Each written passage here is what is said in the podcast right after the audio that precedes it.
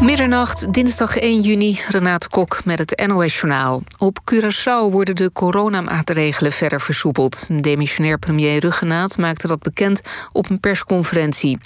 Onder meer de avondklok gaat van 11 uur naar 1 uur s'nachts... en ook het maximale aantal mensen in restaurants en winkels wordt verruimd. Eilandbewoners die twee keer zijn gevaccineerd... hoeven geen PCR-test meer te doen als ze vanuit het buitenland terugvliegen. Dat geldt nog wel voor toeristen. Na maandenlange strenge lockdown is het aantal besmettingen op Curaçao flink afgenomen. In de afgelopen acht dagen werden er twee nieuwe coronagevallen gevonden op 7000 geteste mensen. De Turkse geheime dienst heeft in het buitenland een neef van de geestelijke Fethullah Gulen opgepakt, meldt het Turkse staatspersbureau. Waar de neef is opgepakt is niet bekendgemaakt, maar vermoedelijk was het in Kenia waar hij woont. Zijn vrouw zei in een video dat haar man begin deze maand verdween in Nairobi. De neef werd gezocht omdat hij lid zou zijn van de Gulen-beweging. Die is opgericht door zijn oom en wordt in Turkije beschouwd als een terroristische groep. President Erdogan ziet Fethullah Gulen als het brein achter de mislukte coup in 2016. De Wereldgezondheidsorganisatie gaat coronavarianten vernoemen naar letters uit het Griekse alfabet. De organisatie wil af van ingewikkelde namen die wetenschappers eraan geven. Ook wil de WHO niet dat landen waar de varianten voor het eerst opdoken een slecht imago krijgen. De Britse variant heet daarom voortaan de Alpha-variant. De Indiase coronavariant heeft als nieuwe naam Delta-variant gekregen. Tennister Aranska Rus is uitgeschakeld in de eerste ronde van Roland Garros. De Nederlandse verloor met twee keer 7-5 van de Roemeense Buzarnescu. Het is voor de vierde keer op rij dat Rus niet verder komt dan de eerste ronde. Eerder op de dag werd ook Kiki Bertens in de eerste ronde uitgeschakeld. Het weer op de meeste plekken helder. Het koelt af naar een graad of 10. Morgen veel zon en 22 tot 26 graden. Dit was het NOS Journaal. NPO Radio 1. VPRO. Nooit meer slapen.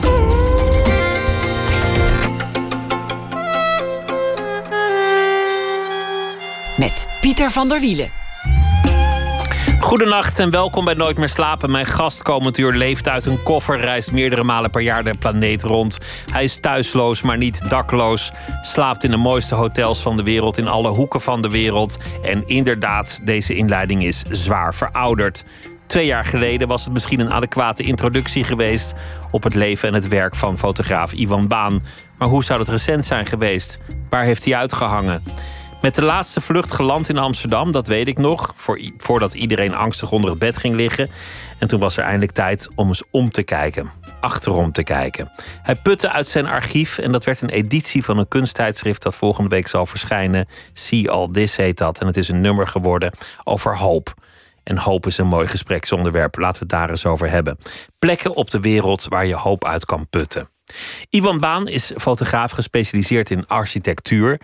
Hij werkt samen met de beroemdste architecten ter wereld, Rem Koolhaas bijvoorbeeld, Zaha Hadid bijvoorbeeld. Maar zijn werk gaat niet over architectuur, niet over bakstenen of beton. Het gaat over het moment dat de aannemers klaar zijn, de ontwerpers vertrokken en de mensen zich de omgeving eigen maken. Van Nigeria tot Burkina Faso, van Canada tot Spanje via Californië. Hij toont plekken waar hij een mooie toekomst ziet gloren aan de horizon. Op meer voortvarende plekken is die toekomst al begonnen inmiddels.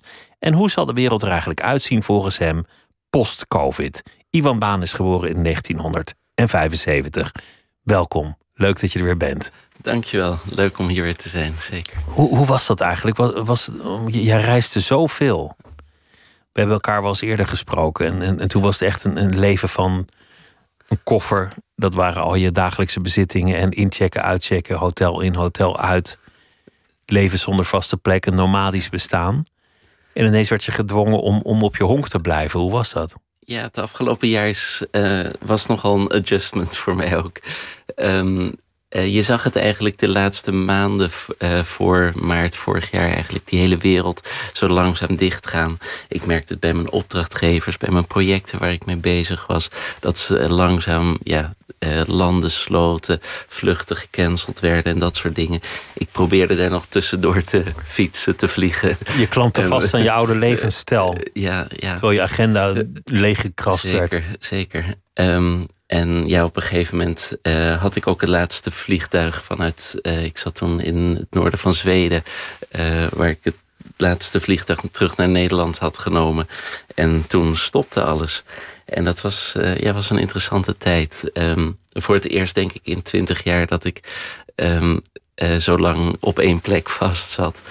Um, het was nog relatief. Ik ben uh, gelukkig het afgelopen jaar, of sinds de zomer, heb ik wel weer mogelijkheden gehad om redelijk rond te reizen. Want mijn leven, ja, ik, ik kan weinig dingen via Zoom of online of dat soort dingen doen. Ik moet natuurlijk toch echt op die plekken zijn. Maar voor ja, zo'n ruim drie maanden zat ik ook plotseling zonder vliegtuig en zonder um, uh, airports en dat soort dingen. Had je, had je ontwenningsverschijnselen? Kreeg je hartkloppingen bij al die rust? Uh, nee, dat viel wel mee. Het was, was eigenlijk ook. Het, het viel allemaal wel op zijn plek. En um, het was ook een goeie, goed moment om eigenlijk weer eens even in mijn archief te duiken en te kijken wat ik de afgelopen twintig jaar zo heb geproduceerd. Um, de, uh, het blijft natuurlijk op, uh, op een bepaalde manier dat je zo letterlijk aan het rondvliegen bent. Dat je veel van die oudere dingen ook, die verdwijnen een beetje in het archief. Dus op die manier um, kon ik eigenlijk wel weer een beetje virtueel reizen door mijn archief. En zo is dat nummer van Seal Dis ook eigenlijk ontstaan. Want, want je hebt nooit tijd gehad om om te kijken, neem ik aan. Om, om eens rustig te gaan staan, denken: waar ben ik eigenlijk terechtgekomen? Ja. Waar ben ik allemaal geweest? Nou, je, je, ik doe het natuurlijk zo. Mijn, mijn fotografie die is uh, natuurlijk een bepaalde manier van ja, het vastleggen van die momenten en die plekken en zo waar je bent geweest. Uh, daar komen dan boeken uit, tijdschriften, uh, artikelen. Op, op een bepaalde manier maak je dat natuurlijk heel tastbaar, dat leven de hele tijd. Maar Um, daarnaast is het inderdaad ook een soort eindeloze uh, uh, uh, rondvliegen, letterlijk. Um, waar het moment van echt in het archief duiken en wat, daar, wat je daar hebt geproduceerd, was daar natuurlijk veel minder bij. Je vertelde de vorige keer dat je, dat je toen je enige kind opvoedde door in elke hotelkamer een tentje op te zetten zodat hij toch een kamertje had. ja, zodat hij niet elke keer naar een ander plafond hoefde te staren. Ja, um, inmiddels hebben we twee kinderen. Um, ze zijn zes en uh, tweeënhalf. Um, maar inderdaad, dat tentje dat was een, een vast item in onze uh, koffers. En uh, de jongste die slaapt nog steeds in zo'n tentje. En uh, die, die reisde dus tot vorig jaar ook met ons mee. We hadden inmiddels een soort hele vliegende karavaan met een au pair die meevloog vloog en alles erop en eraan. En dat stopte natuurlijk allemaal. Um, uh, vorig jaar maart, uh, au pair ging terug naar huis. Uh, die vond het natuurlijk ook allemaal spannend worden. En um, wij zaten gewoon ook vast. we waren net in Amsterdam aangekomen. We zaten erg te dubben van gaan we terug naar Amerika. We hebben daar een huis ook. Uiteindelijk hebben we besloten om hier in Amsterdam te zitten. En dat was eigenlijk ook heel fijn. En ook Amsterdam op een totaal andere manier beleefd natuurlijk. Een stad die plotseling helemaal leeg was. En een soort, uh, ja, een, een Amsterdam van lang geleden wat je plotseling tegenkwam. Wat voor jou natuurlijk fascinerend is, want dat is precies waar jouw werk over gaat. Wat doen de gebouwen met de mensen en de mensen met, met de gebouwen en de leefomgeving? Ja. En dit is een soort groot experiment geweest waarbij ze probeerden om, om de mensen uit de leefomgeving weg te laten. Zeker, zeker. Um, dat was voor mijn fotografie heb ik er niet zo direct zo heel veel mee gedaan. Natuurlijk, je kwam ook in alle kranten eigenlijk de lege steden tegen en dat soort dingen. Dat werd wel gedaan. Dat werd veel gedaan. Um, maar ik heb uh, ik had wel een ander project wat ik hier in Nederland kon oppikken. Uh, wat eigenlijk al lang op de uh, plank lag. En waar ik eigenlijk nooit aan toe kwam, omdat ik nauwelijks in Nederland normaal was. Dus dat, dat kon ik plotseling oppakken. En heb op die manier een stukje Nederland wel weer kunnen bekijken in een ander daglicht. En welk, welk project was dat? Nou, dat was iets wat eigenlijk hier begon, begon in Hilversum. Um, uh, de Dudok Stichting, uh, die zit hier in Hilversum. Ar architect Dudok uh, was een bekende naam. midden van de vorige eeuw enorm veel heeft gebouwd in Nederland. Um, eerst voor de oorlog, uh, vooral hier rond Hilversum, maar ook uh, na de oorlog. Het oude stadhuis, het, het Afro-gebouw. Ja, zeker. Ja. zeker ja. Het, het, stadhuis is een van zijn bekendste, ook internationaal bekendste gebouwen. Um, maar ook nee, de hele uh, wederopbouw en zo uh, van Nederland na de oorlog. Grote uh, woonwijken en zo, die heeft gebouwd. Maar het, wat het interessante ook was van hem, dat hij begon zijn eigenlijk zijn werkende leven in 19, begin jaren 20 van de vorige eeuw. Dus eigenlijk net na de Spaanse griep, de grote pandemie van een honderd jaar geleden. En daar zag je eigenlijk ook zijn ideeën van ehm, ja, het vormgeven van een stad en een leefomgeving. Heel veel groen in eh, steden brengen. Ehm, eh, parken. Nou ja, Hilversum, als je dat hier zo, vooral van boven ziet, is het eigenlijk gewoon een bos eh, met hier en daar wat huizen erin. En dat was heel erg zijn uh, idee ook, uh, wat, daar, wat eigenlijk na de vorige pandemie 100 jaar geleden kwam. Lucht, helemaal... zuurstof hebben we nodig. dat was het idee. Ja, ja. dus um, ja, ik heb op die manier uh, zijn hele oeuvre eigenlijk weer opnieuw vastgelegd en laten zien hoe, dat, hoe mensen daar nu uh, zo'n 50 tot nou, bijna 100 jaar later in leven en hoe dat is overgenomen. Uh, sommige dingen zijn heel ehm, basic. Daar zie je nauwelijks eigenlijk direct een architectenhand in. Um, en het gaat veel meer over een soort stedelijke planning. Um, en andere zijn natuurlijk zoals het stadhuis in Hilversum, die waanzinnig gedetailleerd zijn, wat echte architectuur is. En die hebben we geprobeerd te laten zien in het, in het hedendaagse, zeg maar. Nou, toch een pro productieve periode geworden. Ja. Als je een heel boek uh, eruit hebt gesleept. Ja. En nu dat, dat tijdschrift. Is dat een van de architecten waar je mee bent opgegroeid? Die, die hoorde bij het decor van jouw jeugd? Een, een beetje wel. Ik heb mijn middelbare leeftijd, uh, middelbare um, uh, leeftijd, mijn middelbare school heb ik uh, hier in Hilversum doorgebracht. Dus zo van mijn, wat is het, twaalfde tot mijn achttiende heb ik hier gewoond. Dus lang voordat ik iets van architectuur wist. Maar het, zeker, het heeft mijn, denk ik, mijn leefomgeving zeker beïnvloed. En hoe ik naar een stad kijk en dat soort dingen. Toch was architectuur niet de reden dat je, dat je dit bestaan in bent gerold? Het was niet dat je altijd al weg was van, van architectuur of daar boeken over kocht of dat soort dingen. Nee, en het, uh, um, dat kwam eigenlijk pas later. Um, ik heb ik was altijd uh, in fotografie heel erg geïnteresseerd. Op mijn twaalfde kreeg ik mijn eerste camera van mijn, mijn oma. En ik was meteen helemaal soort van door geobsedeerd. ik kreeg een donkere kamer, maakte mijn eigen foto's, drukte ze af enzovoort. Ik ging naar de kunstacademie, heb fotografie gestudeerd. En um, mijn interesse lag altijd erg in het ja, documenteren van plekken, van mensen, van locaties. Um, tijdens mijn studie uh, had ik de mogelijkheid om naar New York te gaan voor een uh, stage. Daar ben ik toen eigenlijk blijven hangen en veel heen en weer gereisd tussen Nederland en New York. En um, pas eigenlijk ja, een jaar of zeven nadat ik was afgestudeerd, uh, kwam ik bij toeval met Rem Koolhaas, die hier ook eerder in de studio hebt uh, gehad. In, uh, in contact. En eigenlijk uh, op een hele natuurlijke manier was het plotseling. zat ik midden in de architecten. En merkte ik gewoon dat ik. Um, maar, maar wacht even, hoe, hoe ging dat? Want, want jij was dan zeven jaar afgestuurd, maar relatief nog best een snotneus. En hij was toen al echt een, een wereldberoemde rockstar architect. Ja. Hoe kan het dat daar iets, iets ontstond?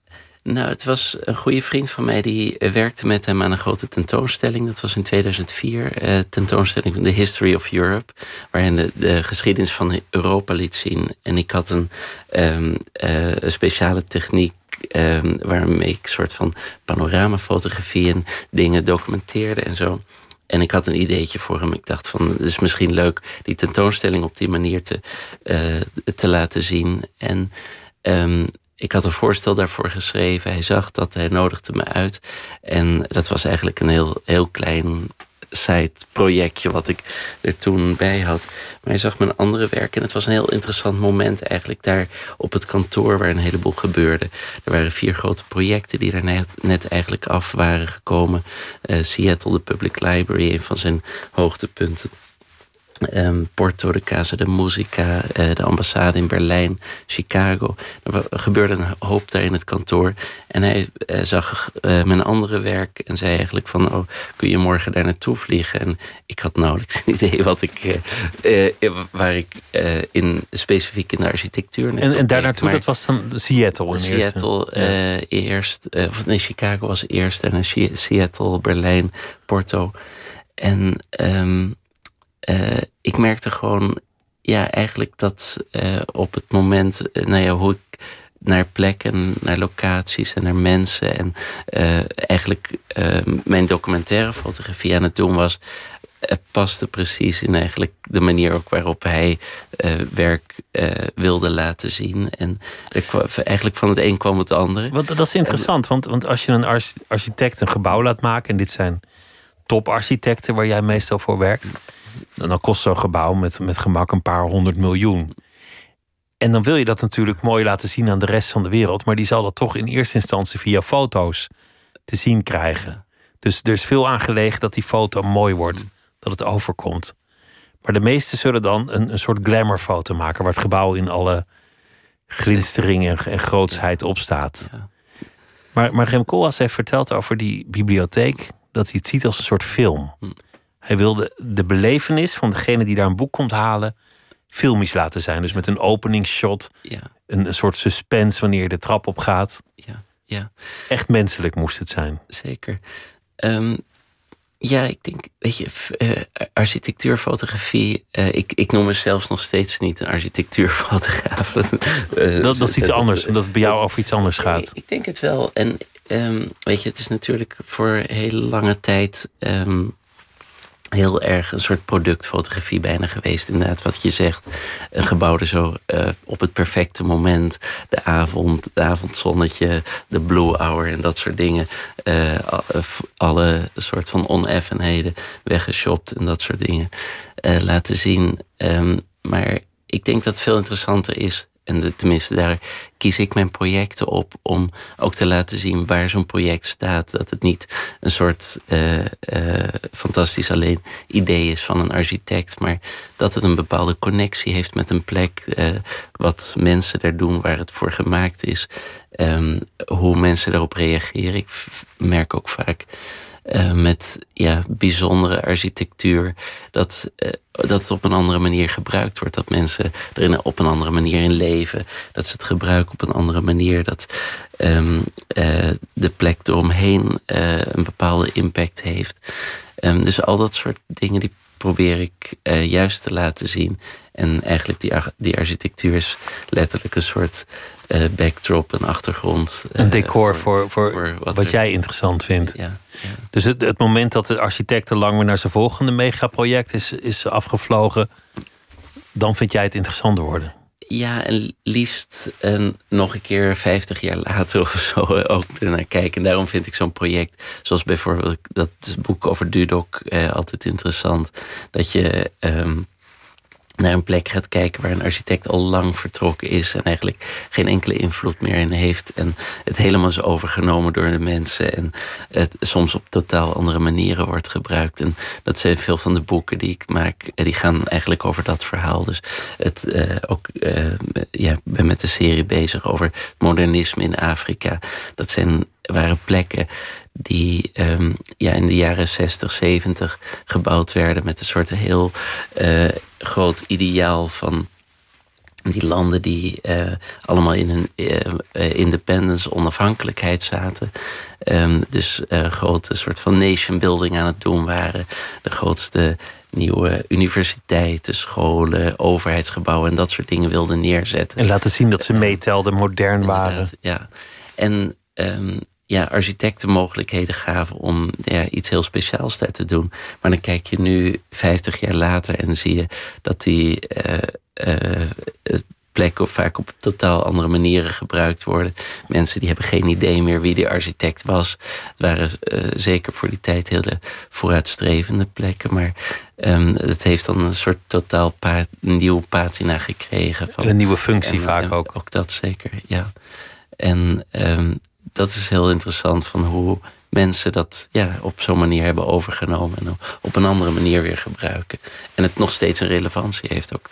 Uh, er, zijn, er zijn architecten die dat moment haten en, en dat moment ook niet graag zien komen dat, dat hun ontwerp een eigen leven krijgt. Zeker. Van, van Le Corbusier is bekend dat hij, dat hij eens per jaar terugkeerde naar Pessac Waar, waar die eh, woningen had ontworpen om te kijken of mensen niet een luik hadden geplaatst. Bijvoorbeeld. Of, of niet de was buiten hingen, want dat vond hij ook vreselijk. Ik geloof dat Louis Kahn zei, die uh, had het over uh, finish it, photograph it, forget about it. niet omkijken. Dat is niet omkijken en het moet, uh, dat, dat ene moment waarop alles soort van perfect is, dat is het enige moment wat in de soort van Ehm, het, het, general ID moet zijn van hoe zo'n gebouw eruit moet zijn en dan zien. En dat is het dan. Maar ik denk dat het uiteindelijk ben je als een architect bezig ja, om een stad te creëren, om een plek te creëren voor mensen. En om dat te laten zien, vind ik veel, veel interessanter. Het is in het groot wat, wat hier in Nederland beroemd is geworden als het olifantenpaadje. ja, ja, ja. Waar, waar uh, voormalige fotograaf des Vaderlands Jan-Dirk van den Burg een, heel boek van heeft gemaakt. een prachtig boek ook, ja. Dat, dat, dat in een mooi ontworpen park mensen toch de snelste route kiezen. Zeker, zeker. Maar bij jou gaat het nog iets verder. Hele steden ontstaan die niet bedoeld zijn. Hele wijken ontstaan die niet bedoeld zijn. Ja, Hele handelsrelaties waar niemand ooit enige planning op heeft losgelaten. Zeker, zeker, ja. Um, ja, en daarom uh, is ook een deel van mijn werk, uh, vooral de eigen projecten of samenwerkingen die ik doe met uh, universiteit of met, waar dan boeken uitkomen en dat soort dingen, of eigen projecten die ik opstart, die gaan ook eigenlijk over dat hele andere deel van hoe mensen zelf bouwen uit pure noodzaken, wat je natuurlijk op heel veel plekken in de wereld ziet. Ehm, de favela's, de, ja, de plekken die mensen bouwen uit pure noodzaak, waar een overheid, waar architecten en alle stedenplanners en zo geen enkele vat meer op hebben. En waar ook nog fantastische, bijzondere dingen gebeuren. Weliswaar onder super moeilijke omstandigheden. En uh, die vaak ook heel questionable zijn. Maar um, daar zie je toch dat ja, die drang om iets bijzonders te maken van je eigen leefomgeving. Die zie je op ieder niveau. Van ja, de star architects, om het zo maar te zeggen, tot, uh, tot dat niveau van ja, mensen die het uit pure noodzaak iets moeten bouwen. Wat vind je dan zo fantastisch? Wat, wat, je daarin zo aan? Nou, plekken die mensen zelf uit. Uh, de, de, de soort creativiteit die daar ontstaat. Um, en dat je niet voor alles inderdaad die uh, dat grote idee en die overheid en of die architect of die stedenbouwkundige nodig hebt. Of, en um, de, oh, uh, uh, ja, um, kunnen laten zien dat, ja, dat we zullen natuurlijk gewoon op een, een groot plan eigenlijk, of op, op veel plekken moeten we die uh, controle ook laten gaan. Omdat het gewoon niet mogelijk is om die uh, honderden miljoenen mensen die, er, die een noodzaak hebben om een huis te hebben. Uh, die kunnen we niet allemaal voorzien van nou, hier moet je wonen en zo moeten we het doen. En heel veel dingen gewoon overlaten ook aan die mensen. En zo is het natuurlijk voor honderden jaren gedaan. En, uh, Zo zijn steden ooit ontstaan in de middeleeuwen. Zeker, zeker. Ja, ik, ik las een stuk in de krant dat, dat ook in Nederland de planologen op een retour zijn. De macht zijn kwijtgeraakt. Eh, de macht zijn kwijtgeraakt, dat kan ik me heel goed voorstellen, inderdaad. Die is, uh, denk ik, op veel plekken overgelaten ook aan uh, de managers en dat soort dingen. En, en de markt. En de, en de regels en de markten en dat soort dingen. En de, um, daarom is het heel interessant om juist ook al die hele andere woonvormen en manieren waarop het, je kunt leven um, te laten zien. Ik, uh, bijvoorbeeld een voorbeeld wat ik in het tijdschrift laat zien is. Um, een oude commune die uh, een vriend van mij, uh, kunstenaar uit Californië, Frits Haak, um, zeven jaar geleden heeft gekocht uh, in het noorden van Californië. Wat altijd, ja, de jaren 60, 70, alle communes en hippies die vertrokken daar naartoe. Maar dit was een commune die, um, die heeft gekocht. Die was een beetje ja, in de vergetelheid geraakt eigenlijk. Er woonden nog wel een paar mensen, maar het was allemaal ja, um, in vrij slechte staat. Maar die mensen toen de tijd, dus dat is 50 jaar geleden, die kwamen daar met een groot ideaal wonen. En ze hadden uh, één gebouw waar alle kinderen samen woonden. Die zorgden voor een groot deel voor elkaar. um, de oudere kinderen voor de jongere kinderen. Maar en alle uh, volwassenen die bouwden dus hun eigen huizen daar. Ze hadden het in dat gebied, daar in Noord-Californië, voor elkaar gekregen met de overheid om tot een afspraak te, maken, te komen dat alles wat je met je eigen handen bouwt, van eigen materiaal, uh, van wat je van de plek daar hebt uh, gevonden, dus bomen gekapt en al dat soort dingen, alles wat je op die manier bouwt, is uh, altijd permitted. Dus dat, dat, dat is dan officieel als huis aangemerkt. Dus en zeker voor Amerika, waar alles met regulations zo super strikt is tegenwoordig. Uh, bestaat die regel daar nog steeds. Dus alles wat je met je eigen handen bouwt, dat, uh, dat kun je. Is, uh, dat wordt aangemerkt. staan. Blijft, blijft staan, is aangemerkt als een huis, kun je verzekeren en al dat soort dingen. Um, maar ook dat werd dus aan de generaties doorgegeven. Want die kinderen die dus eerst in een van die gebouwen woonden, op het moment dat je 13 jaar oud was, uh, moest je je eigen huis bouwen. En je hebt dus een soort uh, commune daar met de meest fantastische, idealistische huisjes en hutten en dingen die gebouwd zijn, maar waar die kinderen dus in me opgroeiden en 20, 30 jaar in woonden. En van alles aan werd gebouwd. En um, ja, op een gegeven moment, zo'n commune die valt natuurlijk uit elkaar.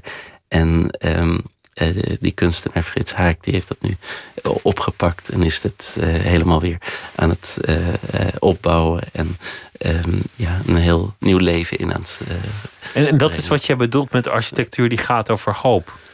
Mensen die, die ergens een nieuwe toekomst voor zichzelf bedenken en dat in gebouwen vormgeven. Zeker, ja. En uh, gewoon de grote variëteit van hoe je, uh, hoe je kunt leven en ho uh, hoe een leefomgeving eruit kan zien en hoe die gecreëerd kan worden. En um, dat is natuurlijk de vreemde contradictie die ik ook in mijn werk heb. Van je ziet zoveel wat er over de hele wereld gebouwd wordt en je werkt met de interessantste, beste architecten overal. Maar eigenlijk ben je geïnteresseerd juist in, in de plekken waar de architectuur ontbreekt.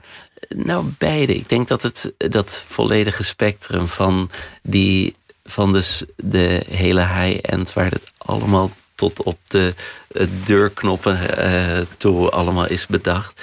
Tot het hele andere eind van ja, hoe mensen dat uh, uit noodzaak of uit eigen creativiteit helemaal opbouwen.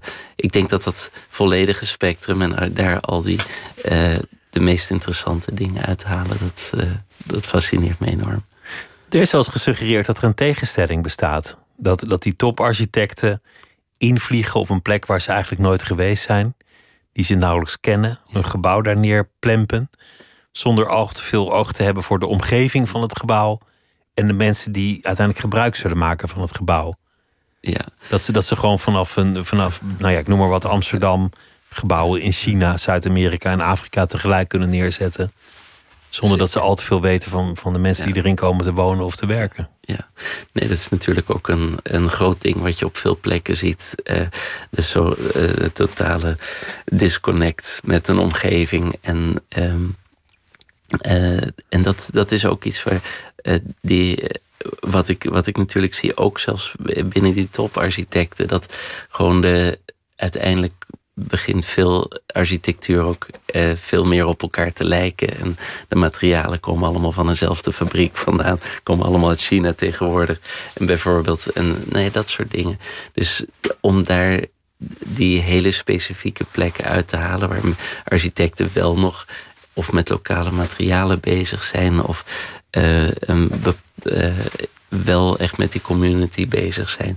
Dat blijven dingen ja, die ik probeer eruit te pikken en te laten zien en aan een groter publiek te laten zien. Dat is wat jou interesseert. Er was het verhaal over Rem Koolhaas dat hij een enorme toren neerzette in China, in een verder lege omgeving. Toen kreeg hij heel veel kritiek.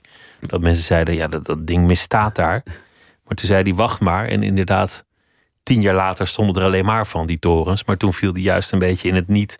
En was dat weer de kritiek, zeiden mensen. Je hebt een, je hebt een nutteloze toren gebouwd, want die valt helemaal niet meer op. Ja, Nee, dat, was, eh, dat is, uh, ja, was een van mijn eerste lange projecten uh, in die architectuurwereld waar ik mee begon. Dat was die toren van CCTV, ja. de Chinese staatstelevisie. En dat was ja, toen het begon, 15 jaar geleden, 16 jaar geleden die hele buurt, dat was ja, allemaal. Uh, het waren kleine torentjes. Het was een soort business district al. Maar, en dat was toen ja, een van de hoogste torens daar. Uh, wat is het, 300 zoveel meter hoog of zo. Hij, hij resoneerde nog flink in het begin. Ja, en, maar nu is het ja, totally dwarfed bij alle de torens van de 400, 500 meter die eromheen uh, staan. Uh, maar nog steeds heeft dat uh, gebouw ik blijf het een fascinerend gebouw vinden, omdat het uh, uh, zelfs in die soort van cacophonie van al die andere torens eromheen, blijft het er waanzinnig uitspringen door de totaal vreemde vorm en de manier waarop het met perspectief en perceptie speelt uh, op die plek. Tijdens de bouw daarvan was een soort geïmproviseerde stad ontstaan van alle mensen die werkten aan die toren. Ja. De, de, de bouwvakkers en hun gezinnen, die, die leefden allemaal ergens in die omgeving ervan maar niet in een officiële woning. Ja. Een soort tijdelijke stad. Zeker. Ja, dat was natuurlijk ook een gekke tijd. Ehm, ik heb toen veel in China gedocumenteerd, eh, verschillende projecten. Zo kwam ik met die verschillende architecten ook in aanraking. Uh, dat was de hele aanloop naar de Olympische Spelen 2008. Werden natuurlijk al die waanzinnige dingen neergezet. Een groot uh, uh, Olympisch stadion door Herzog en de Meuron. Veel andere architecten die met allerlei projecten bezig waren daar in China. En die waren allemaal op een schaal die die architecten nog nooit eerder hadden kunnen doen. er werden mogelijkheden daar gegeven die ze thuis vaak niet hadden. En het op zich natuurlijk hetzelfde soort uh, idee als ja, wat ik net vertelde van zo'n uh, uh, dat modernisme in Afrika, wat toen de tijd een heel specifiek moment was voor Afrika, had je nu dat moment eigenlijk in China, daar met die hele aanloop van de Olympische Spelen. En China die een waanzinnige honger had naar wat er uit het Westen kwam. Dus er was een hele groep Westerse architecten daar bezig. de meest waanzinnige gebouwen eigenlijk aan neerzetten. Die aan de ene kant super high-tech waren in um, uh, de manier van het ontwerpen, uh, de manier hoe het gebouwd of, wat er neergezet kon worden. Maar aan de andere kant was het natuurlijk totaal gebaseerd op die enorme manual labor. Die, het handwerk van, dat waren allemaal migrant workers. Mensen die dus van de countryside in um, China kwamen, naar de grote steden trokken voor werk en daar aan het werk gezet werden. Zoals de piramides ook door slaven zijn gebouwd. Bijna. Het waren geen slaven natuurlijk, maar um, het, was, uh, het, het, is natuurlijk uh, zo'n CCTV. Daar op momenten werkten er 10.000 mensen die allemaal van, de, uh, van het platteland kwamen. Dus niet direct woonruimte in de stad hadden, maar er werd dan tijdelijke behuizing voor neergezet. Die mensen die leefden daar een half jaar. Eens in het half jaar gingen ze terug naar een familie op het platteland. En ja, er ontstonden ook een soort tijdelijke uh, organische steden bijna van die mensen die daar puur voor, uh, voor dat werk waren. En ja, die hele uh, dat enorme verschil tussen uh, ja, een soort uh, van nee, die soort utopische gebouwen die door westerse architecten uit een totaal andere cultuur daar werden neergezet. En dan die mensen die ja, een gewone rijstpapje daar zaten te eten en hun dagelijkse dingen zaten te doen. Met in iets aan het bouwen waren wat ze zelf nog nooit eerder hadden gezien of konden voorstellen. dat was ja, een fascinerende tijd. En het begin van een, van een schitterende loopbaan voor jou. Voor wie het inschakelt, Ivan Banes hier. Hij is uh, fotograaf. Houdt niet van het woord architectuurfotograaf, maar fotografeert wel onderwerpen gerelateerd aan architectuur in samenwerking met uh, beroemde architecten over de hele wereld. Hij heeft nu een uh, nummer gemaakt van een kunsttijdschrift. Dat, dat gaat over hoop. En plekken waar de, de toekomst lijkt te schitteren. Wanneer, wanneer zie je hoop? Wanneer vond je optimisme in je foto's? Wanneer dacht je, ja, dit, dit is zo'n plek. Hier, hier zie ik dat. Nou, dat zie je op heel veel verschillende plekken. Ehm, ja, uh, een van de plekken die me nog steeds heel erg bijstaat... En, uh, um, is een uh, plek in Caracas in Venezuela. Uh, zeker Venezuela op het moment is natuurlijk in een erbarmelijke staat. En die mensen die hebben het waanzinnig moeilijk. Um, maar er was, dat is ja, al voor decennia eigenlijk, daar aan de gang.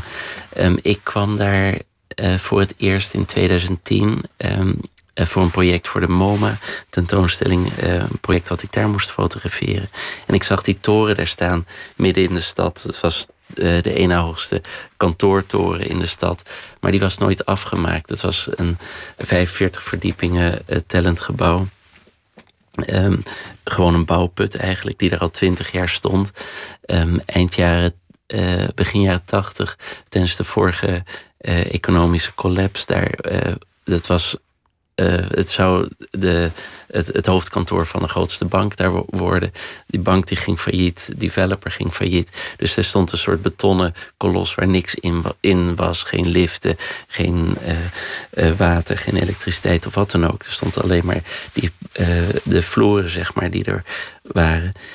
Um, en dan zie je zo'n stad die ja, um, in een verschrikkelijke staat verkeerde. Of stad, het hele land natuurlijk.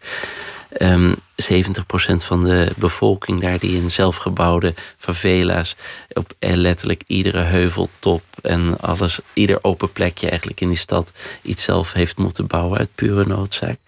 En dan zien ze ja, um, zo'n plek, een, uh, een bouwput eigenlijk, die er al twintig jaar staat, uh, zagen ze als een soort mogelijkheid om in die bouwput eigenlijk daarin ieder zijn eigen appartementje te pluggen. Dus um, daar wonen op het moment 3000 mensen in die bouwput eigenlijk. En die letterlijk gewoon, ja, iedereen op het moment dat je er binnenkomt, heb je al een dak boven je hoofd. Dus van daaruit kun je verder werken. Dus het is een soort eh, basisstructuur, een soort honeykamp, eh, honingraad, waar mensen in begonnen te wonen en dat helemaal naar hun eigen hand zetten. En daar zie je de meest waanzinnige oplossingen voor ja, iets wat natuurlijk in onze omgeving ondenkbaar zou zijn. Maar, um, en nog steeds uh, uh, is het moeilijk. Er zijn heel veel uh, moeilijkheden met zo'n zo'n plek natuurlijk. Maar, maar toont jouw inventiviteit. Totaal, ja. En, ja, en flexibiliteit. Ja, ja, ja, En dat zie je op heel veel plekken op allerlei verschillende manieren terugkomen. Um, in het nummer um, volgen we bijvoorbeeld het werk van Francis Carey, uh, goede vriend van mij, een architect uit Burkina Faso. Die is opgegroeid daar. Um, hij was de oudste zoon van de stamoudste van een klein dorp in Burkina Faso. Um, had de mogelijkheid om op 16-jarige leeftijd naar Berlijn uh, te verhuizen. om daar een carpentry, uh, houtbewerkingsopleiding te doen. En van daaruit uitgegroeid naar, um, ik denk nu een van de bekendste architecten uh, uh, daar van het continent eigenlijk. Maar die waanzinnig die verbinding heeft gebracht van ja, een westerse manier uh, van uh, bouwen, maar uh, nog steeds heel erg leeft in die omgeving. Zijn, uh, de meeste projecten heeft hij eigenlijk allemaal daar in die omgeving gebouwd waar hij is opgegroeid, die hij helemaal door en door kent. En het is een, ja, een dorp waar ieder, iedereen eigenlijk nog steeds in een adobe, een leem, een mud hutje woont, wat zelf gebouwd is. Um, en die uh, kennis vandaar, die gebruikt hij, maar die transformeert hij tot een, uh, tot een totaal andere schaal, waar hij scholen kan bouwen, uh, community centers en al dat soort dingen. En plotseling dat hele platteland er van Burkina Faso een enorme input kan geven en een impuls kan geven. Je bent in heel veel Afrikaanse landen geweest voor heel veel verschillende projecten. En dat is een van de plekken waar je bij uitstek dat optimisme ziet. Mm ook de, de drijvende steden in, in Nigeria. Ik, ik meen te zien dat jij een bijzondere liefde voor dat continent hebt, omdat je daar de spannendste dingen vindt qua architectuur. Ja, um, ik denk het wel ook gewoon een grote variëteit van plekken natuurlijk. Um, ik heb ook altijd die fascinatie met hoe mensen vroeger bouwden op plekken toen er natuurlijk nog geen um, supertankers waren die al het bouwmateriaal uit China of van ver weg konden halen. Um, dus dan zie je gewoon die superlokale uh, ideeën van ja, letterlijk wat je uh, naast je uit de grond kon halen. En daarvoor moest je een, uh, iets bouwen waarin je kon, leven. En die soort van enorme diversiteit die je daardoor ziet van hoe mensen dat oplosten. Um, wat voor bouwmaterialen um, en hoe je een leefomgeving creëerde. Um, dat is iets wat, wat me mateloos fascineert. En uh, naast mijn opdrachtwerk, als ik in een buurt ben waar dat soort dingen gebeuren, probeer ik altijd een detour te maken om dat soort dingen nog vast te leggen. Want je ziet ook dat toch um, ook veel van dat soort plekken nu heel snel aan het verdwijnen zijn. Dat uh, ook zelfs op dat soort hele remote plekken um, nu uh, ja, het golfplatendakje wat in China is geproduceerd, zijn intrede neemt. En dus ook daar wordt het eenvormiger. Zeker, zeker. Want, want het, het, het, zakengedeelte van elke stad in de wereld ziet er inmiddels zo'n beetje hetzelfde uit. Hetzelfde soort architectuur. Ja. Zelfde winkelketen, zelfde koffieketen. Maar ook de sloppenwijken groeien naar elkaar toe dus. Uh, nou, nee, dat is niet, niet zozeer direct de sloppenwijken waar ik uh, aan refereer, maar juist ook gewoon de, uh, de traditionele manier van bouwen. En die heeft natuurlijk um, het grote voordeel dat mensen het met hun eigen handen konden bouwen. Het materialen letterlijk van uh, uh, om hun heen kwamen. Dus het eigenlijk niks kostte behalve de, uh, het werk wat je erin stopte. Maar het heeft natuurlijk ook een bepaalde aandacht nodig. En vaak met die leme hutten, de adobe architectuur en zo. Dat, die moeten ieder jaar opnieuw afgewerkt worden. En daar zie je toch dat op het moment dat die economie een klein stukje omhoog gaat en mensen een inkomen creëren. En gewoon van wat, wat men ziet van um, televisie, van tijdschriften, van kranten en zo, is er toch natuurlijk de ambitie om ja, alle soort van westerse gemakken daar te creëren. Denken ze van, oh, dat uh, golfplatendakje, dat, uh, uh, dat helpt ons tegen de regen. Maar um, op het, uh, ze worden ook heel afhankelijk van al dat materiaal natuurlijk. En die kennis, die traditionele kennis die daar uh, voor uh, honderden jaren was, die is heel snel aan het verdwijnen op dat soort plekken. Ook wel jammer. Je had het over Dudok, die, ja. die in, in de jaren twintig van de vorige eeuw bouwde na de grote pandemie van 1918, 1919. Dat, dat zit ook natuurlijk nu eraan te komen. Veel plekken zijn eigenlijk al veel verder dan wij nu zijn. In Amerika is het leven al bijna hervat zoals het was. Ja, ja. Hoe zie, je, hoe zie jij die toekomst? Uh, gaat er iets veranderen? Of is dit gewoon een rimpeling geweest en wordt, wordt alles daarna weer precies hetzelfde? Het is moeilijk te zeggen. Um, de, uh, het is natuurlijk vrij uh, jammer om te zien hoe wat voor effect architectuur op uh, COVID heeft gehad. En met het enorme plastic productie en het uh, uh, mensen uit elkaar drijven en dat soort dingen. Dat, je, je, bedoelt zoals er nu ook tussen ons zo'n zo'n bandje zit. naar elkaar te zwaaien. Nog, nog een, een, een, litteken van de grote druppeltheorie. Ja, ja zeker. Um, dus dat zal zeker nog een lange tijd, denk ik, effect hebben. En um, als je ziet hoe alle vliegvelden natuurlijk uh, totaal getransformeerd zijn over het afgelopen jaar, dat soort dingen zullen niet 1, 2, 3 weer terug uh, gaan. Er zal natuurlijk toch, uh, denk ik, nog een lange tijd die angst heersen voor alle variaties en al dat soort dingen. Dus dit, je hoort dat uh, bij architecten dat ja, klanten vragen om inderdaad nu plotseling kantoren en al dat soort dingen COVID-proof te maken.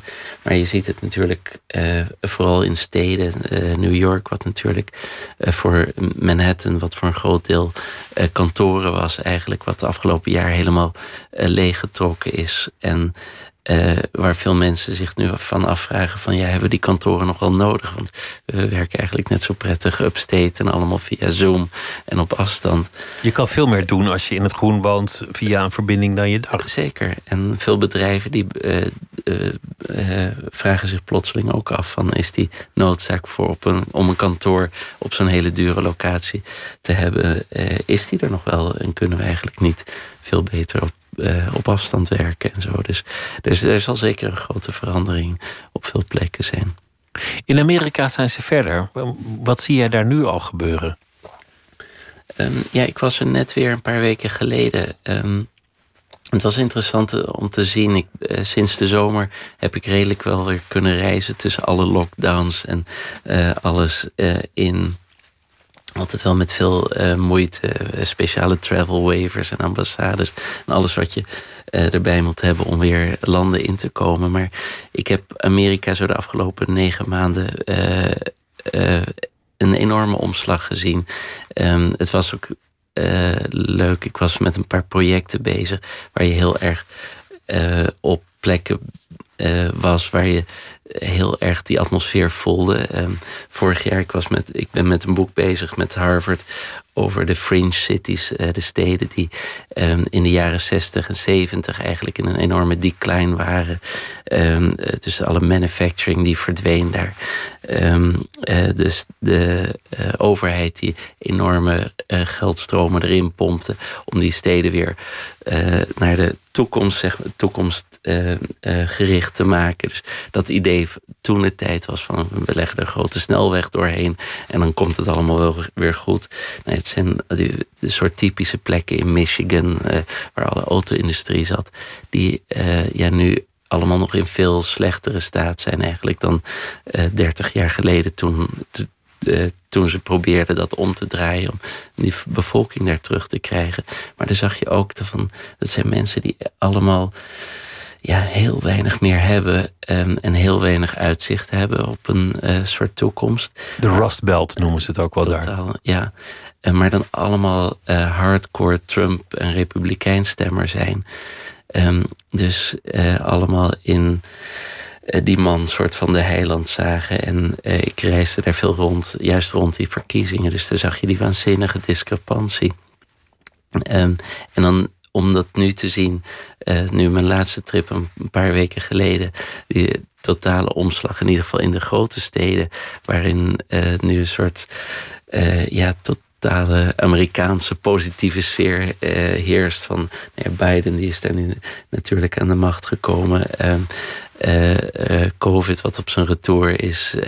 grote delen van de bevolking die gevaccineerd zijn. Dus um, er heerst een enorm uh, optimisme op het moment van uh, wat, er, wat er allemaal gaat, gaat gebeuren en wat die toekomst gaat brengen. Maar ja, je merkt, je, je weet ook dat uh, toch nog steeds de helft van de bevolking daar nog steeds denkt dat Trump eigenlijk heeft gewonnen of had moeten winnen. Um, dus dit zal een spannende anderhalf jaar zijn waarin Biden echt moet uh, kunnen laten zien van ja, wat. wat uh, hij moet het waarmaken. Hij moet het waarmaken en hopen. Maar, maar zie je nu een Roaring Twenties ontstaan? Is dat, is dat de sfeer die er heerst? Ik denk het wel. Een soort zeker euforie? Zeker in Amerika. En er is natuurlijk met die waanzinnige economische uh, impuls die daar wordt gegeven, de miljarden, uh, de triljarden die daarin worden gepompt in de economie. Uh, alles ja, gaat op, op high speed daar op het moment. De geldpers staat, staat te loeien. Nogal, ja. Maar denk je, denk je dat er in de architectuur definitief iets zal veranderen? Een andere manier van wonen, leven, werken? Het, het is zo grappig aan architectuur dat elke fase in de geschiedenis sporen nalaat. Ja. Dat, dat, dat elke economische hoos uiteindelijk leegstaande kantoren langs, langs de ring zal achterlaten. Zeker, zeker. Um, ja, uh, een ander boek waar ik mee bezig ben een goede vriend van mij, Florian Idenburg, uh, architect. En uh, met zijn studie op Harvard uh, naar kantoren en naar dat soort hele specifieke gebouwen die gebouwd zijn over, ja, voor een bepaald bedrijf. Dat zijn soms van die waanzinnige complexen. Hè. Een recent voorbeeld, bijvoorbeeld het Apple-complex. Die enorme cirkel. een miljard dollar wat eraan uitgegeven is. Een van de grootste kantoren in de wereld. Um, hoe ziet zo'n gebouw er over twintig jaar uit? Hebben we dan allemaal nog een iPhone of een Apple, weet je wel, die technologie en hoe die bedrijven werken, die is. Uh, die verandert vaak zo snel. Dus je hebt van die enorme kantoorcomplexen um, die 30, 20, 30, 40 jaar geleden gebouwd zijn in Amerika, die nu compleet leeg staan en waar niemand weet wat ermee moet gebeuren. Zoals Philips in Eindhoven allemaal dingen achterliet. Zeker, zeker. En om te kijken van ja, wat, hoe kun je dat soort gebouwen toch een nieuw leven in, ingeven. Um, ik heb vooral ja, historische plekken gefotografeerd en gedocumenteerd. Om te laten zien hoe die er nu bij liggen en wat er mee gebeurt. Maar om daarover na te denken, ja, van hoe uh, bijvoorbeeld de Zuidas hier of Manhattan. Um, uh, hoe dat er over tien of twintig jaar uit zal zien. Of misschien zelfs in een hele uh, nabije toekomst, waarin iedereen eigenlijk denkt van ja, ik kan net zo goed uh, uh, in Broek en Waterland gaan zitten. En ik heb daar een grote tuin en ik ga daar. Als de wifi het maar doet, dan zit ik inderdaad, goed. Ja, ja. Dus... Hoe zit dat met jou? Want, want, want je hebt twintig jaar lang echt, echt als een dwaas, als een, als een dolle over de wereld gereisd echt, echt meerdere keren per jaar de wereld om. Eigenlijk elke week wel een intercontinentale vlucht de een of de andere kant op. Zo was jouw leven voor een hele lange tijd. Je kinderen op verschillende locaties nomadisch opvoeden. En nu heb je voor het eerst in lange, lange tijd een beetje aan een plek gebonden gezeten. Ja. Nou ja, voor de meeste anderen zou het nog steeds een hectisch reizend jaar zijn geweest, maar vooruit. Heb je daar nu een andere gedachte over? Denk je van, nou, ik ga me settelen? Um, voor mijzelf zal het moeilijk zijn, denk ik. Zit er gewoon niet zo in? Uh, uh, ik, uh, het blijft. Ehm, ik heb altijd iets van liever heimwee dan, dan better homesick than home. um, er, er valt zoveel interessants nog op allerlei plekken te zien. En ik zal dat blijven reizen. Nu de kinderen wat ouder worden, merken we natuurlijk wel dat een soort basis voor die kinderen wel belangrijk is. Maar we hebben gelukkig de. Uh, ja, en een huis in Amerika en hier in Amsterdam. Dus uh, ik denk dat het komende jaar gaan we met de familie weer terug naar Amerika en houden dat weer wat meer als basis aan. Um, maar ja, ik zal. Voor mij is een plek. Uh, het is altijd prettig thuiskomen op zo'n plek. Maar Want je hebt, je hebt het huis wel... mede zelf gebouwd in, uh, in, in de buurt van New York. Um, nou, we, we, hebben het ver, verbouwd. Het is niet een ground-up building, maar we, we, hebben het wel helemaal naar ons eigen zin gemaakt, zeg maar. Uh, maar ja, voor mij, ik denk een huis is een fijne manier van thuiskomen. Maar er moet zeker een vliegveld dichtbij liggen. Anders is het voor mij onmogelijk. Het is ook deel van jouw werk om altijd de buitenstaander te zijn. Om, om met die frisse blik ja. aan te komen van iemand die er nog niet is geweest. En daardoor iets ziet wat de local al lang niet meer ziet. Zeker. Dat, dat heeft, heeft een grote impact op mijn werk, denk ik. En uh, ook juist die grote uh, stappen die je maakt, uh, die sprongen van ja, vorige week zit je ergens in de middle of nowhere in Afrika en de week erop in New York en juist al die werelden met elkaar verbinden en die grote verschillen zien en laten zien. dat is een uh, ik, ik, het is een belangrijke manier voor mij om ernaar te kijken. Zo'n boek bijvoorbeeld uh, als Dudok wat ik heb gemaakt... dat was ook een, uh, een goede manier, nee, om een mogelijkheid om weer eens naar iets wat heel familiar is en heel erg bekend en wat, wat je eigenlijk nauwelijks meer naar kijkt, om op een nieuwe manier weer naar te leren kijken en dat vast te leggen. Maar het is zeker wat moeilijker voor. Heb je, heb je een vaste werkwijze? Want, want reizen is natuurlijk ook lastig. Het is ook een beetje stressvol. Je zei van we zijn eigenlijk een soort circus geworden met uh, tentjes en buggies en, en, uh, en een au pair die meereist. Maar, maar als je op locatie komt, als je aan het werk gaat, dan heb je je camera bij je en je spullen. Ja. Altijd hetzelfde outfit, want, want dat, dat reist makkelijk, hoef je daar niet over na te denken. Ja. Ik heb een soort uniform. Een uniform en een, en een was- en strijkservice in het hotel. Maar dan ga je naar de plek die je bedacht hebt. Heb je dan een vaste volgorde van dingen die je doet? Um, echt, het is eigenlijk een heel intuïtieve manier. Um, ik probeer altijd uh, op plekken. Meestal heb ik een auto. Uh, ik probeer het zelf te ontdekken. Een auto of een fiets soms. Of uh, in ieder geval mijn eigen transport om rond te rijden en plekken te ontdekken. Um, je werkt soms met mensen lokaal daar die je wat dingen laten zien. Maar ik heb eigenlijk vaak snel een soort van idee hoe ik de, uh, de plek, de architectuur eigenlijk wil laten zien. Um, dat voel je eigenlijk heel intuïtief en snel aan. Um, en daarna begint voor mij eigenlijk het interessante verhaal om gewoon echt te gaan kijken van ja, wat, wat doen mensen daar, wat gebeurt er door Wie de komen dag? hier, waarom, komen, hoe doen ja, ze dat? Ja. Je start, begint met mensen te praten, praatjes te maken en uh, een beetje te horen wat, wat mensen zelf van zo'n plek vinden. En op die manier groeit er iets en groeit een verhaal in je hoofd. Een soort visualisatie uh, waar je naartoe begint te werken. En zo begin je langzaam eigenlijk een visueel verhaal samen te stellen van zo'n plek. Zou er eigenlijk iets te leren zijn voor, voor de toparchitecten? Dat je je architectuur weer open laat? Dat je, dat, je, dat je het gebouw ontwerpt, maar ook een gedeelte open laat dat de gebruikers uiteindelijk zelf de functie of, of de vorm eraan zullen geven. Zeker, zeker. Een soort jazzarchitectuur ja. met een Ja. gedeeltelijk improviserend einde. Ik denk dat er voor heel veel dingen veel voor te zeggen is. Dat zie je natuurlijk uh, vooral bij um, uh, ja, die hele specifieke architectuur, uh, kantoorgebouwen en al dat soort dingen die uh, vaak maar een heel kort leven eigenlijk bescho beschoren hebben.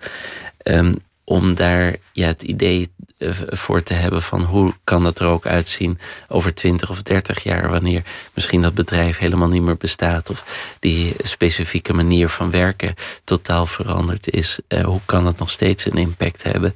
En uh, dat dat zo'n bedrijf niet leeg staat. Want dat zie je natuurlijk in Amerika vooral, um, ja, er is gewoon ook zoveel ruimte dat op het moment dat het over is, het bedrijf failliet is of het is vertrokken. Slopen en door. Niet eens slopen, het blijft er staan vaak. En, en dan gewoon leeg. Het, het, staat dan leeg. En je hebt er natuurlijk veel van die soort totale ghost uh, towns en delen van steden die gewoon uh, in onbruik geraakt zijn en er nog steeds staan. Een echt goede architect zou ook kunnen nadenken over een leven na de dood van, van de opdrachtgever. Ik denk het, ja, ja zeker. Ik weet niet of die daarvoor betaald wordt alleen. Het is niet echt zijn opdracht. Nee. Je gaat ook niet zeggen tegen je opdrachtgever... Nee. ik ga zo'n mooi kantoor bouwen... en als jij failliet bent, staat het er nog. Inderdaad, het is een moeilijk uh, uh, verhaal naar je opdrachtgever toe. Ja, ja.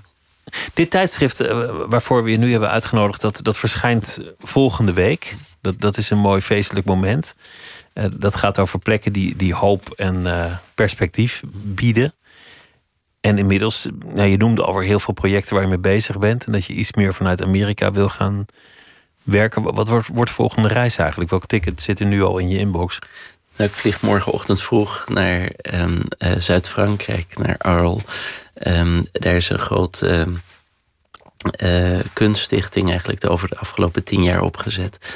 Uh, Maya Hofman, grote patron of the arts, die um, heeft een uh, oud fabrieks- en rangeerterrein daar in Arles een tijd geleden opgekocht. En die is daar, veel van die oude gebouwen zijn getransformeerd tot kunstruimtes en zo. Frank Gehry die heeft daar een grote, groot nieuw museum gebouwd. Dat wordt eind juni nu geopend. En ja, ik maak daar het boek voor, uh, um, alle publiciteitsfotografie en dat soort dingen. Dus dat is weer zo'n project waar ik wel uh, er, er al kom voordat het klaar is. Eigenlijk uh, eind van de maand wordt het geopend. Um, dus daar moet je dat verhaal er nog een beetje bij maken en verzinnen. Maar het zijn ook interessante projecten. Gewoon de schaal waarop zoiets gemaakt wordt. Het is ja, een van de grote uh, nieuwe musea die volgende, uh, volgende maand geopend wordt. Dus, uh, en een project waar ik een heel aantal keren over het komende jaar naartoe terug kan gaan om boeken over te maken en dat soort dingen. Dus dat, En zoals je al zei, een, echt een kunststad met een, met een rijke historie. Zeker. Van Gogh. En, en natuurlijk ook een fotostad. Absoluut. Van, het, van het festival. ja. Ja, en dat wordt dus ook dit museum ehm, en al die ruimtes daaromheen, die worden voor al die festivals en fotografie en alles gebruikt. En het is ook interessant, ja, dat is een. Um, er wordt uh, zo'n totaal voor op, object neergezet, dat gebouw van Frank Gehry. Nou, je kunt het je waarschijnlijk voorstellen hoe het eruit ziet. Een grote toren. Um, uh, maar dan ook de rijke historie van zo'n stad en uh, de, de gebouwen uit de tijd van de industriële revolutie, eigenlijk, die daar neergezet werden. En al die lagen met elkaar verbonden worden. Interessant. Dankjewel dat je langs wilde komen. Veel plezier en veel vrolijke reizen in de komende maanden. Iwan Baan, dankjewel. Dank je. En dit was Nooit meer slapen voor deze nacht. morgen dan zijn we er weer. En Zometeen kunt u luisteren op deze zender naar Miss Podcast. Goeienacht en tot morgen.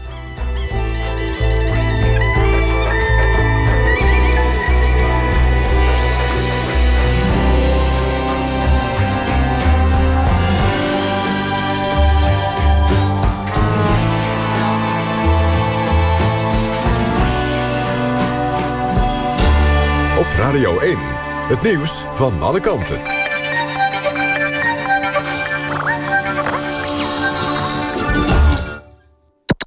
NPO Radio 1.